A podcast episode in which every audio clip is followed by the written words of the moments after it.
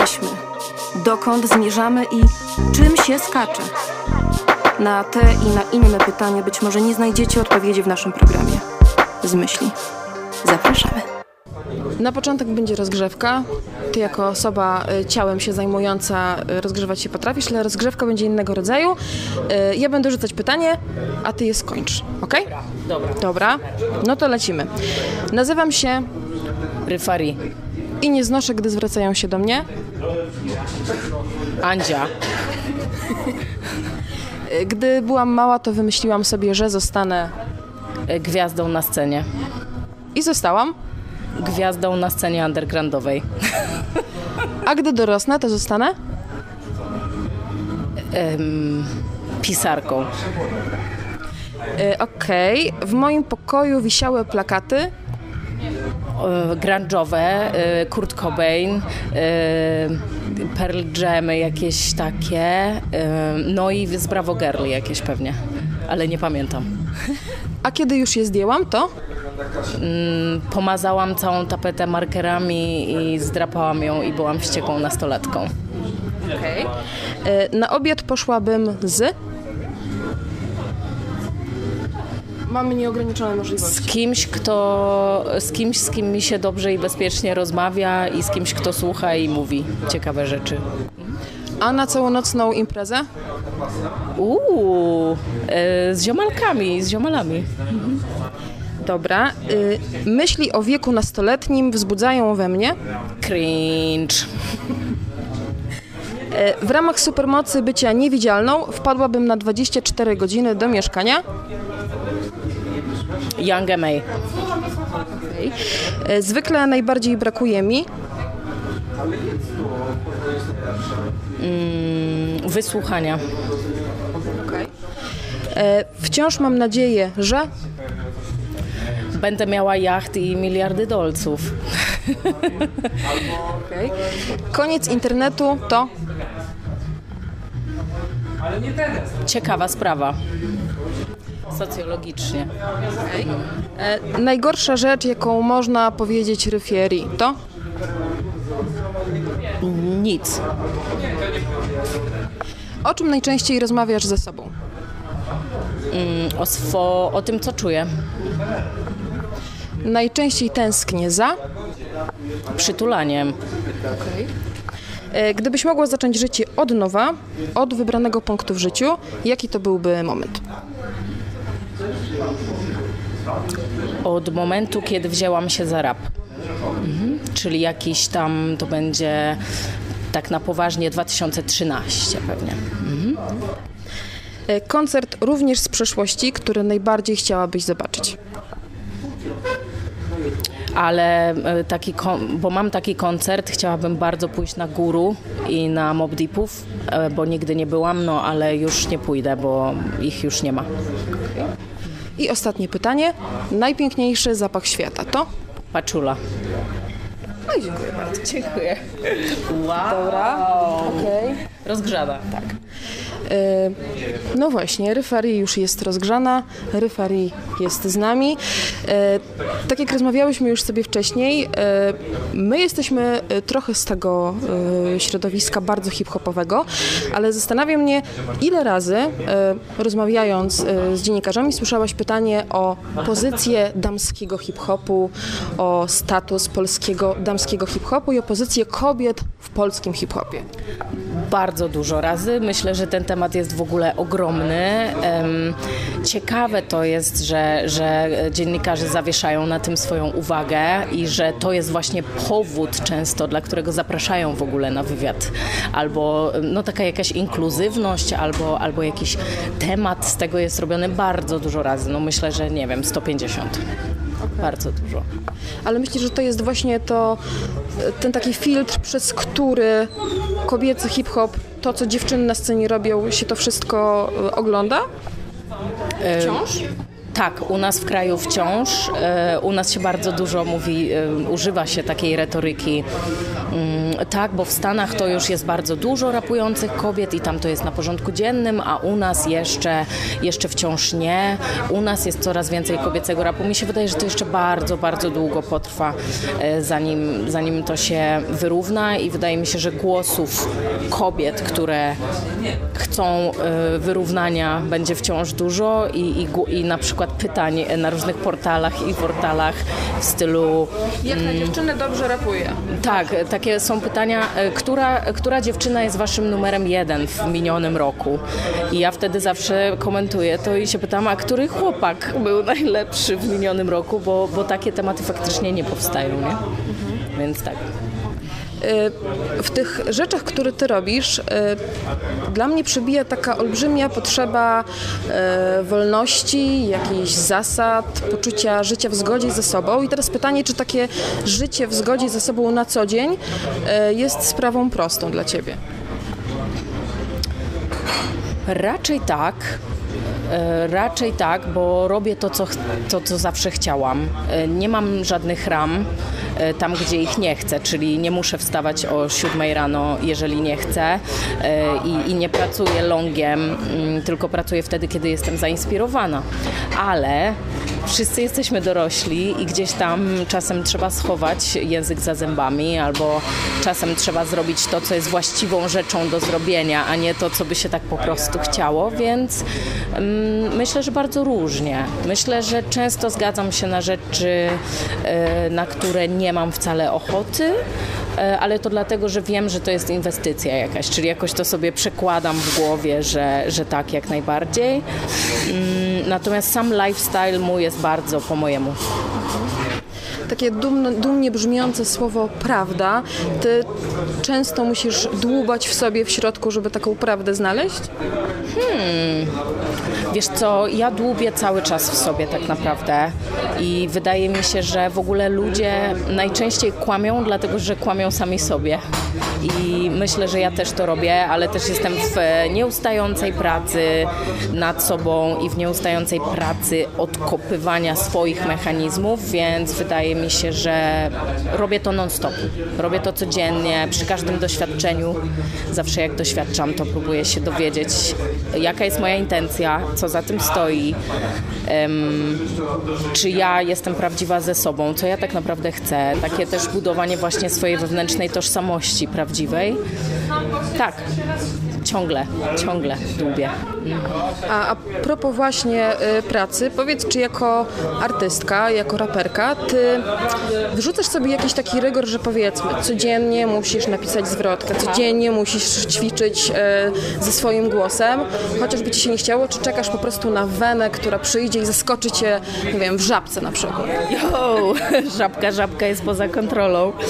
E, więc tak, e, miałam taki czas, że codziennie musiałam napisać przynajmniej dla sportu tam 16 wersów, bo taka jest u nas y, główna liczba tych wersów na zwrotkę.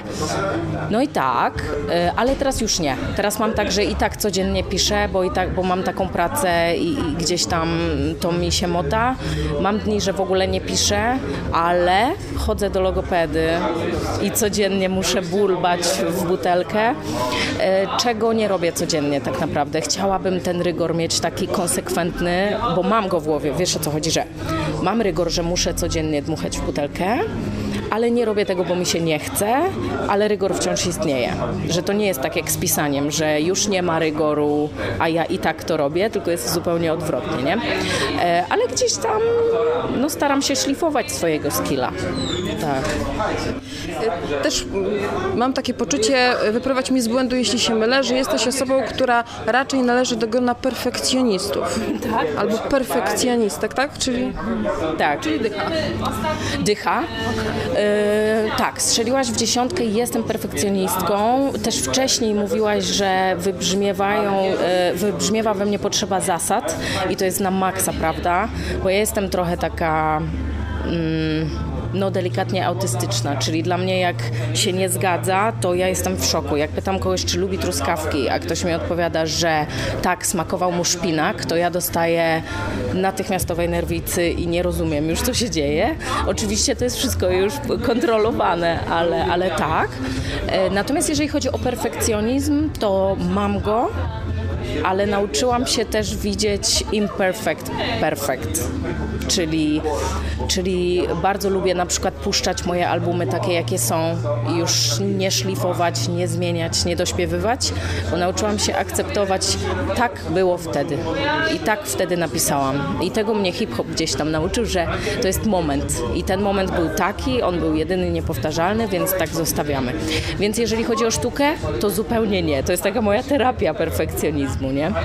Natomiast sprzątanie szczoteczką do zębów, wszystkie szczeliny. Nie, no w ogóle total. Jak coś robię, to robię to do końca, robię to ekstremalnie, dopóki nie będzie odhaczone. No. Ale to przekłada się powiedzmy na proces powstawania płyty, że jesteś osobą, która czuwa nad miksem, nad masterem, nad wokalem, nad teledyskiem, nad doborem ekipy? Tak, jestem w tym strasznie upierdliwa. Moi znajomi mówią, że o, na tym też się znasz, to niesamowite, bo ja cały czas gdzieś tam y, trzymam Kobiety rękę na tym. Po prostu. Y, wielu talentów albo też trochę dzikuska, bo ja wolę sama coś zrobić, niż żeby to przeszło przez 15 osób, z których każda mi odpowie, że lubi szpinak na pytanie, czy lubi truskawki. Więc, y, więc gdzieś tam lubię po prostu, wiem, że jak się z ludźmi pracuje, to każdy z nas jest inny i ma swoje procesy, ale jednak wolę bezpośrednią komunikację, czyli jak coś miksujemy, no to ja tam siedzę. Zresztą teraz Lem, z którym e, miksowaliśmy Elopolo, on był bardzo pro. On mówi, że to ma brzmieć jak ty chcesz ryfa, więc przyjdź tu i, mów i robimy. E, Więc jak najbardziej. Też mam zapędy takie, żeby właśnie wsiąkać w to holistycznie, a nie tylko być od tekstów i od rapu, nie? A jeśli chodzi o sam proces y, pisania tekstów, czy jest jakiś temat, y, na który to temat byś nie nawinęła, albo rzeczy takich przestrzeni, których po prostu nie ruszasz? Szczerze mówiąc, nie zastanawiałam się nad tym, zastanowię się nad tym. E, Myślę, że są takie niepopularne tematy, które trudno by mi było dotknąć, na przykład e, temat e, nienawiści, takiej wewnętrznej, do której nikt nigdy się nie przyznaje, bo nie warto, bo nie można. Tematy jakieś takie wewnętrznego żalu. Natomiast też nie są to tematy, których ja się nie tykam, bo jak najbardziej się ich tykam, przyznaję się do tego, że mam żal na przykład do sceny rapowej, że już nie jest taka, jaka była i, i absolutnie nie mam z tym problemu. Mm, Myślę, że też ja tak mam zawoalowane teksty, że jak chcę o czymś powiedzieć, to to jakoś tak tam wsadzę, żebym ja czuła, że powiedziałam, a, a niekoniecznie, żebym się tam odsłaniała jakoś za bardzo, bo faktycznie czasem można za bardzo.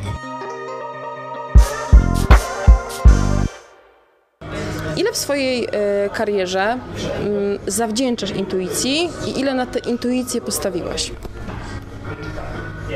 Kurczę, będę odważna i powiem wszystko, bo ja od zawsze gdzieś tak miałam, mm, że na przykład chciałam iść do szkoły dwujęzycznej, do gimnazjum dwujęzycznego i to nie było w moim rejonie, mogłam się nie dostać, ale ja powiedziałam albo chodzę do tej szkoły, albo nic. I weszłam do niej i wiedziałam, że tak będzie. I po prostu tam poszłam, później chodziłam do dwujęzycznych szkół. Mm, Moja ścieżka jest totalnie postawiona na, na wiarę w to, że to się stanie i takie poczucie, że mhm, damy radę, ale też z drugiej strony ilość mojej kontroli właśnie nad całym procesem twórczym sprawia, że tak naprawdę moja intuicja się nie myli, ale gdybym nie była taka kontrolująca, to możliwe, że te moje intuicje by się aż tak nie spełniały. Wiesz o czym mówię? Że ja mam taką wiarę po prostu w to, że ja to uwalę, że, że nie wątpię w jakiś kierunek i, i bardziej na tej zasadzie to idzie. Mm, Ale też czasami oszukuję swoją intuicję, że robię coś przeciwnego, żeby wyjść sobie ze strefy komfortu i spróbować. I takie wyjścia ze strefy komfortu zazwyczaj ci się opłacają? Chyba nie. Nie. Nie, jestem zazwyczaj potem zmęczona, nie rozumiem po co to robiłam. Mogę to sobie jakoś racjonalizować i tłumaczyć, ale, ale bez sensu. No ale cóż, każdy z nas musi mieć jakieś swoje właśnie, jakąś część życia, która w ten sposób działa. Ale powiedz, dużo czasu poświęciłaś na to, żeby ten swój, nazwijmy to tak dumnie trochę, wewnętrzny głos e, dumnie, tak, znaleźć i usłyszeć tak na co dzień? Tak, ja go buduję. Ja go buduję, buduję go powoli. On, on jest cichy i ma humory, więc, więc to jest proces. No, tak. Cały czas to robię, wiesz, mam 33 lata, zaraz Jezusowe e, za rogiem, a ja tak naprawdę teraz buduję mm, taką spójność, taką świadomą spójność z moją tożsamością i z tym, co ja bym chciała i, i po co tu jestem. Um, wydaje mi się, że wcześniejsze moje ruchy nie były pozbawione tego, ale teraz faktycznie jestem świadomsza. No. Też e, rozmawiamy trochę o tym wewnętrznym głosie, e, ale też nie możemy w, w Twoim przypadku, tak mi się wydaje, pominąć ludzi, którzy Ciebie otaczają i tej community, o której Ty często wspominasz. E, zastanawia mnie też to, w jaki sposób osoba, dla której tak ludzie są ważni i ekipa przeżyła pandemię i ten czas zamknięcia. O, widzisz, to jest bardzo ciekawe, bo ja cudownie to przeżyłam. Ja miałam urlop. Nie mogłam widywać setek ludzi tygodniowo na zajęciach tanecznych. brakowało mi koncertów, brakowało mi studia, e, brakowało mi ziomków, ale też, no, umówmy się szczerze, rozmawiałam z nimi i się z nimi widywałam. Mm, ale tej całej e, takiej machiny dużej, społecznej e, nie tęskniłam za tym, ale nie dlatego, że tego nie lubię, tylko dlatego, że już musiałam odpocząć. Ja już byłam wypalona właśnie byciem cały czas dla ludzi i byciem między ludźmi i wydaje mi się, że, że dla mnie to był taki fair urlop po prostu. I też to było bardzo inspirujące, bo po pandemii... Przełożyło się to jakoś na twój materiał na przykład? Ojeju, tak. Ja wydałam e, po tym najukochańszą moją płytę Elopolo e, i ona jest ukochańsza, najukochańsza dlatego, że to jest takie moje, że ja poczułam, że to jest bardzo mój tekst, bardzo mój feeling, taki światek właśnie trochę marzeń, fantazji, mm, soulu, super, super. Ja tak, zajrzałam naprawdę głęboko w pandemii, no. I później się zainspirowałam, że ci, jeszcze ci wejdę i um, wyjechałam na urlop. I na tym urlopie napisałam kolejną płytę, e, więc 2022 będzie właśnie też owocem tych czasów urlopowych i odpoczywania od bycia dla, a bycia bardziej w. A możesz już trochę o tej płycie powiedzieć? E, czego można się spodziewać? Mogę, e, więc tak. W marcu 2022 wyjdzie Elo Polo 2, czyli Elo Polo Ideolo, mm, które będzie epką poprzednią, powiększoną o kolejną epkę. E, no i wyszliśmy z Panamą z R&B i z soulu, troszeczkę bardziej do gitar i do grunge'u. Nadal jest słodko pierdząco, nadal jest kobieco. E, opowiadam o kobiecych orgazmach, o tym, że on już musi iść, bo zamawiam mu Ubera, e, więc trochę tam się Opowiadam o obserwacji e, facetów z mojego otoczenia, których bardzo kocham, lubię i szanuję. E, no a muzycznie jest tak grunge'owo, trochę śmiesznie, no właśnie jest Elopolo, więc zapraszam. A druga płyta to jest płyta z Antiquantem i nazywa się Hold Space, tak jak się zawsze mówi w programach różnych medytacyjnych, że you have to hold space for your emotions and you know being. To, to ta płyta jest właśnie takim hold space. Bity są zadymione, e, soulowe, bardzo swingujące, znaczy soulowe, Antiquant się na mnie obrazi, one są elektroniczne, ale są takie głębokie. E, no i nawijam tam o emocjach swoich, tak naprawdę o procesie terapii DDA, który we mnie zachodzi. No i bardzo dużo tam jest właśnie powiedzianych treści, których normalnie by raperka, raper nie powiedział, ale tak, tak mi się napisało na urlopie, to, to tak wypuszczam. Tak, i taka będzie ta płyta. Ona się nazywa Hold Space i wyjdzie na jesień 2022. Masz jakieś oczekiwania wobec tej płyty? Albo oczekiwanie wobec reakcji Twoich fanów i nie tylko Twoich fanów na to, co stworzyłaś? Na pewno. E, ale pytasz o Elopolo czy o tą drugą? O to, co dopiero się ukaże. Tak. O Elopolo, tak. E, w marcu, no to ja się spodziewam po prostu gdzieś tam, które piosenki ludzie będą lubić. Na przykład mam oczekiwania, że utwór pod tytułem Brolo e, o facetach, że chwyci za polskie serca, ale to też dlatego, że mam dane z poprzedniej płyty z WRR, bo tam wydałyśmy całą płytkę i był kawałek Stary mi powiedział, i ten kawałek stary mi powiedział, był o mm, faceta, o, o ojcu. Co mi stary powiedział, czego nie powiedział. No i wszyscy krytycy, którzy przesłuchali tą płytę, tę płytę, uznali, że to jest najlepszy kawałek, no bo jednak polski facet też potrzebuje docenienia. Więc jakby stąd mam dane, no nie? Więc gdzieś tam się spodziewam niektórych rzeczy z doświadczenia. Jeżeli chodzi o płytę Hold Space, to ja podejrzewam, że ona będzie bardzo niszowa. E, nie mam oczekiwań do ludzi, no bo nie mogę mieć, w sensie, znaczy mogę mieć, bo da się, ale no nie, nie, nie, nie. Ale spodziewam się, że będzie niszowa, że będzie się podobała hip-hop dancerom, bo jest takie, taka taneczna pod względem bitów. Mm. Natomiast myślę, że ludzie nie będą do niej często wracać jako do albumu rapowego Hej, tylko bardziej będą wracać e, do tego albumu jako do jakiegoś koncept, koncept albumu. Albo żeby sobie coś przeżyć. Ale to są moje domniemania raczej. Właśnie z tymi opiniami y, bywa różnie. Y, piję teraz trochę do kawałka z WRR, który zbudowałyście na komentarzach, y, które pojawiły się w kontekście waszej, waszej twórczości, tego co robicie. Dla mnie to jest kawałek, przyznam szczerze, dość przerażający, chociaż w zasadzie mówi o rzeczy praktycznie codziennej. Gdzie według Ciebie kończy się konstruktywna krytyka albo też własne zdanie na temat, a zaczyna się po prostu hejt?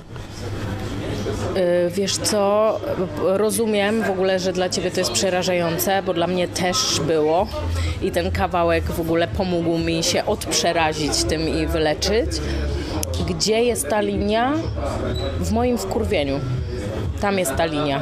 Czyli nie mogę powiedzieć ci, e, jak to widzę w każdej możliwej sytuacji, ale mogę Ci powiedzieć, że moje emocje mi mówią, kiedy to jest dość. I każdą sytuację niestety e, czuję, że muszę oddzielnie stawiać jej granice i tyle.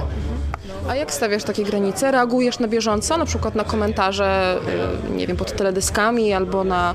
Bo domyślam się, że ten hejt raczej dzieje się w przestrzeni takiej, powiedziałabym, szafowej, domowej, kiedy ktoś sobie tam... Y, Bo w szafie śpią. Tak. E, wiesz co, nie, nie reaguję, totalnie, totalnie nie, olewam to, uważam, że to jest najlepsze, co mogę zrobić dla siebie. E, grunt to chronić moją energię, rozmawiać z moimi ludźmi o moich rzeczach, które mam, a to totalnie olewać. Chyba, że to już są jakieś kryminalne sprawy, no to wtedy jak najbardziej, no były w sumie już prowadzone takie rozmowy, że co robimy i, i do którego szefa, którego portalu idziemy rozmawiać, żeby coś z tym zrobił, e, bo czasami to nie są hejty, tylko groźby i to, no to już jest straszna przemoc, nie? Chociaż przemoc właśnie każdy definiuje sam.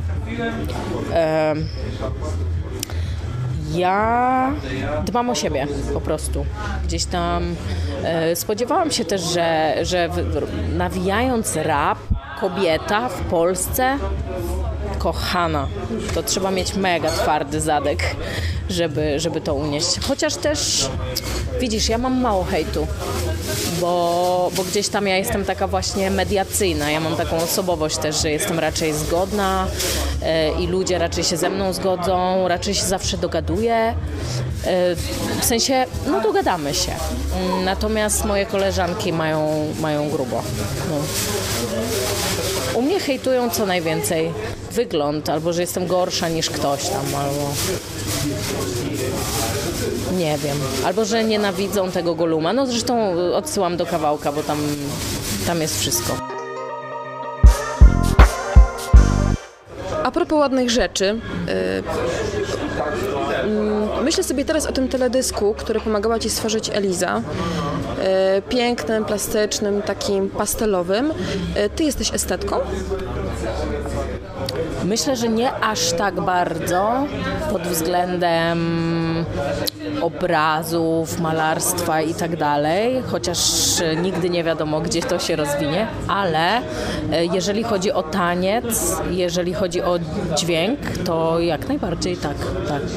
Ale nie mam takiego tak rozwiniętego zmysłu totalnie, dlatego super, że jest Eliza i Ania Płarzeska i że one robią tak piękne rzeczy i też znają się na kulturze, tam odniesień jest bardzo dużo e, w ich teledyskach do kultury, do, do takiej naszej cywilizacji w sumie całej, więc super. Mhm.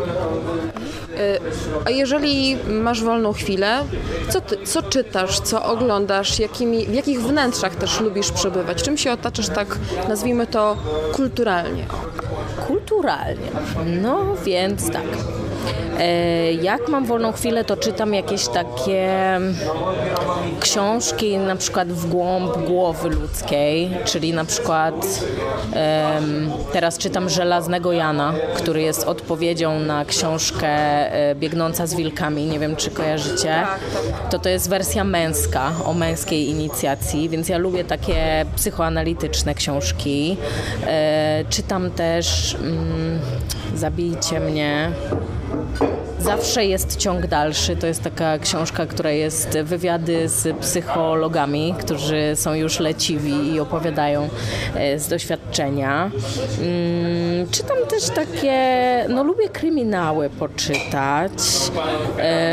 Co oglądam? Oglądam YouTube'a i tam oglądam bardzo różne rzeczy. E, Wczoraj oglądałam coś, o, coś co się robi z twarzą, jakieś, a wiem, e, nitkowanie brwi, nie, laminacja brwi oglądałam na przykład. Mm, No obejrzę też film, serial. Raczej jak już coś oglądam albo czytam, to chilluję. Raczej się nie pałuję jakimiś takimi no nie wiem, no nie czytam Tatarkiewicza na co dzień, chociaż w sumie to by mnie interesowało. Raczej się relaksuję, no. Wnętrza. Lubię drewno, jak jest, lubię jak jest jasno, biało. Fajnie jak jest jakiś kontrapunkt w stylizacji, jak jest jakaś jedna rzecz, która jest dziwna, fajna, ładna, na której można zawiesić oko, ale dla mnie bardzo jest ważne jak pachnie i e, co leci. Na przykład jak, jak wchodzę do pomieszczeń, to zawsze słyszę, że jest cicho, że nic nie leci, że jest goło i ja się wtedy bardzo dziwnie czuję. Że na przykład w sklepie, w którym nie leci muzyka, na bank nic nie kupię, bo się czuję jak miała kija w dupie, ją. Albo jakby było nago, prawda? Trochę tak. Tak, tak, tak, tak. To, to nie jest dla mnie. Lubię szkice, rysunki. Mój kolega Zolski jest malarzem, Radek Kozłowski i on na przykład ma w swoim domu wszędzie obrazki na ścianach. I to jest takie cudowne, bo, no bo się właśnie się przebywa w takim estetycznym, mm, estetycznym miejscu i można też wtedy zawiesić na czymś oko. Tak, lubię. Teraz zadam pytanie jak z takiego rasowego, prawda, beauty y, programu. Czym pachnie Ryfari? Paczuli. Paczuli, y, dreadami, funkiem, ale niekoniecznie chodzi o zapach unoszący się w powietrzu po seksie, bo jakby przez funk ja rozumiem atmosferę miasta też, że ode mnie często może pachnieć wiatrem, na przykład może pachnieć mm, potem, bo tańczę. Więc taki funk. Ja jestem takim smelly kid. Normalnie. Okej. Y, A w wymarzoną podróż, gdzie byś się udała? Z tymi wszystkimi zapachami i, i całym tym kolorowym porządkiem swoim? Kurczę. Marzy mi się Meksyk jakiś taki, właśnie jakieś takie nie do końca super schludne, ale bardzo barwne. Bo a propos estetyki, ja właśnie nie mogę powiedzieć, że jestem estetką, bo ja lubię jak coś jest brzydkie. Mi się to podoba, mi się podoba niedokręcony dread, nieuprasowane spodnie, dla mnie to jest super. E, więc może jakiś taki Meksyk, no ale też moim marzeniem od zawsze jest e, poprzebywać na Brooklynie, bo to jest dla mnie ważne miejsce tak kulturowo. Mm, no i zachodnie wybrzeże Stanów też bardzo, Kalifornia. Fajnie. A gdzieś w którymś z wywiadów powiedziałaś o tym, prawda? Że zastanawiasz się, dlaczego nie budzisz się na Brooklynie. No właśnie się zastanawiam, bo to znaczy teraz to już wiesz, no czas mija, jestem dorosła, akceptuję, że jednak się nie urodziłam w Ameryce w latach 70., ale to jest zawsze dla mnie najlepsza estetyka. Mam sentyment po prostu do tych czasów, no bo jak ja zaczęłam słuchać rapu, to w Stanach był okres złotej ery tak naprawdę, więc dla mnie, do mnie zawsze to będzie trafiać. I, ta, i ten tekst bumbapowy, który jest trochę już wyjściem od pucybuta do potęgi, że tak brzydko powiem, e, mniejszości w Stanach, ale gdzieś tam jest też celebracją e, MPC 1200 i to brzmienie takie za, zamglone e, gdzieś tam. To są moje rzeczy, no, po prostu. Więc czemu, czemu się tam nie budzić? Ale mogę się też budzić na Grochowie, to jest idealne. To ostatnie pytanie. Mm, przeczytałam w jakimś e, fragmencie wywiadu z Tobą, bardzo podobało mi się to sformułowanie, pamiętnikarze rzeczywistości o raperach. Pytanie jest takie, co teraz w pamiętniku Referee można byłoby przeczytać? Wydaje mi się, że mówisz o, e, przeczytasz z naszych oczu, jakie mamy czasy teraz. I to jest tekst Mady z WCK i on bardzo zwinnie e, określa rzeczywistość, to jak on się z nią czuje, to co się teraz dzieje politycznie, społecznie. e, i też e, bardzo fajnie, bo on stoi pomiędzy wszystkim, czyli on jest dosyć bezstronny w tym, czyli rzeczywiście jest takim kronikarzem. Em, W moim pamiętniku jest bardzo dużo emocji. W moim pamiętniku będzie bardzo kobieco, bo będzie o tym, jak ja się z tym czułam, a niekoniecznie o tym, z czym się jakoś czułam. E, Natomiast hmm, bardzo bardzo dużo się dzieje w muzyce, w muzyce rapowej, e, rzeczy, które nie do końca mi na przykład by się podobały. Dzieje się bardzo dużo rzeczy, które by mi się podobały. E, społecznie dla mnie masakra. Ja po prostu, ja jestem bardzo zaalarmowana tym, co się dzieje w prawie. E, bardzo jestem zaalarmowana tym, że ktoś chce rządzić moją macicą. To, co się dzieje gospodarczo, to ja nawet w to nie wchodzę, bo ja po prostu nie chcę sobie psuć krwi. E, Więc gdzieś tam mogę mówić o tym, jak się czuję i rozmawiać z moimi koleżankami o tym, jak możemy się wesprzeć, e, niż gdzieś tam walczyć, no nie?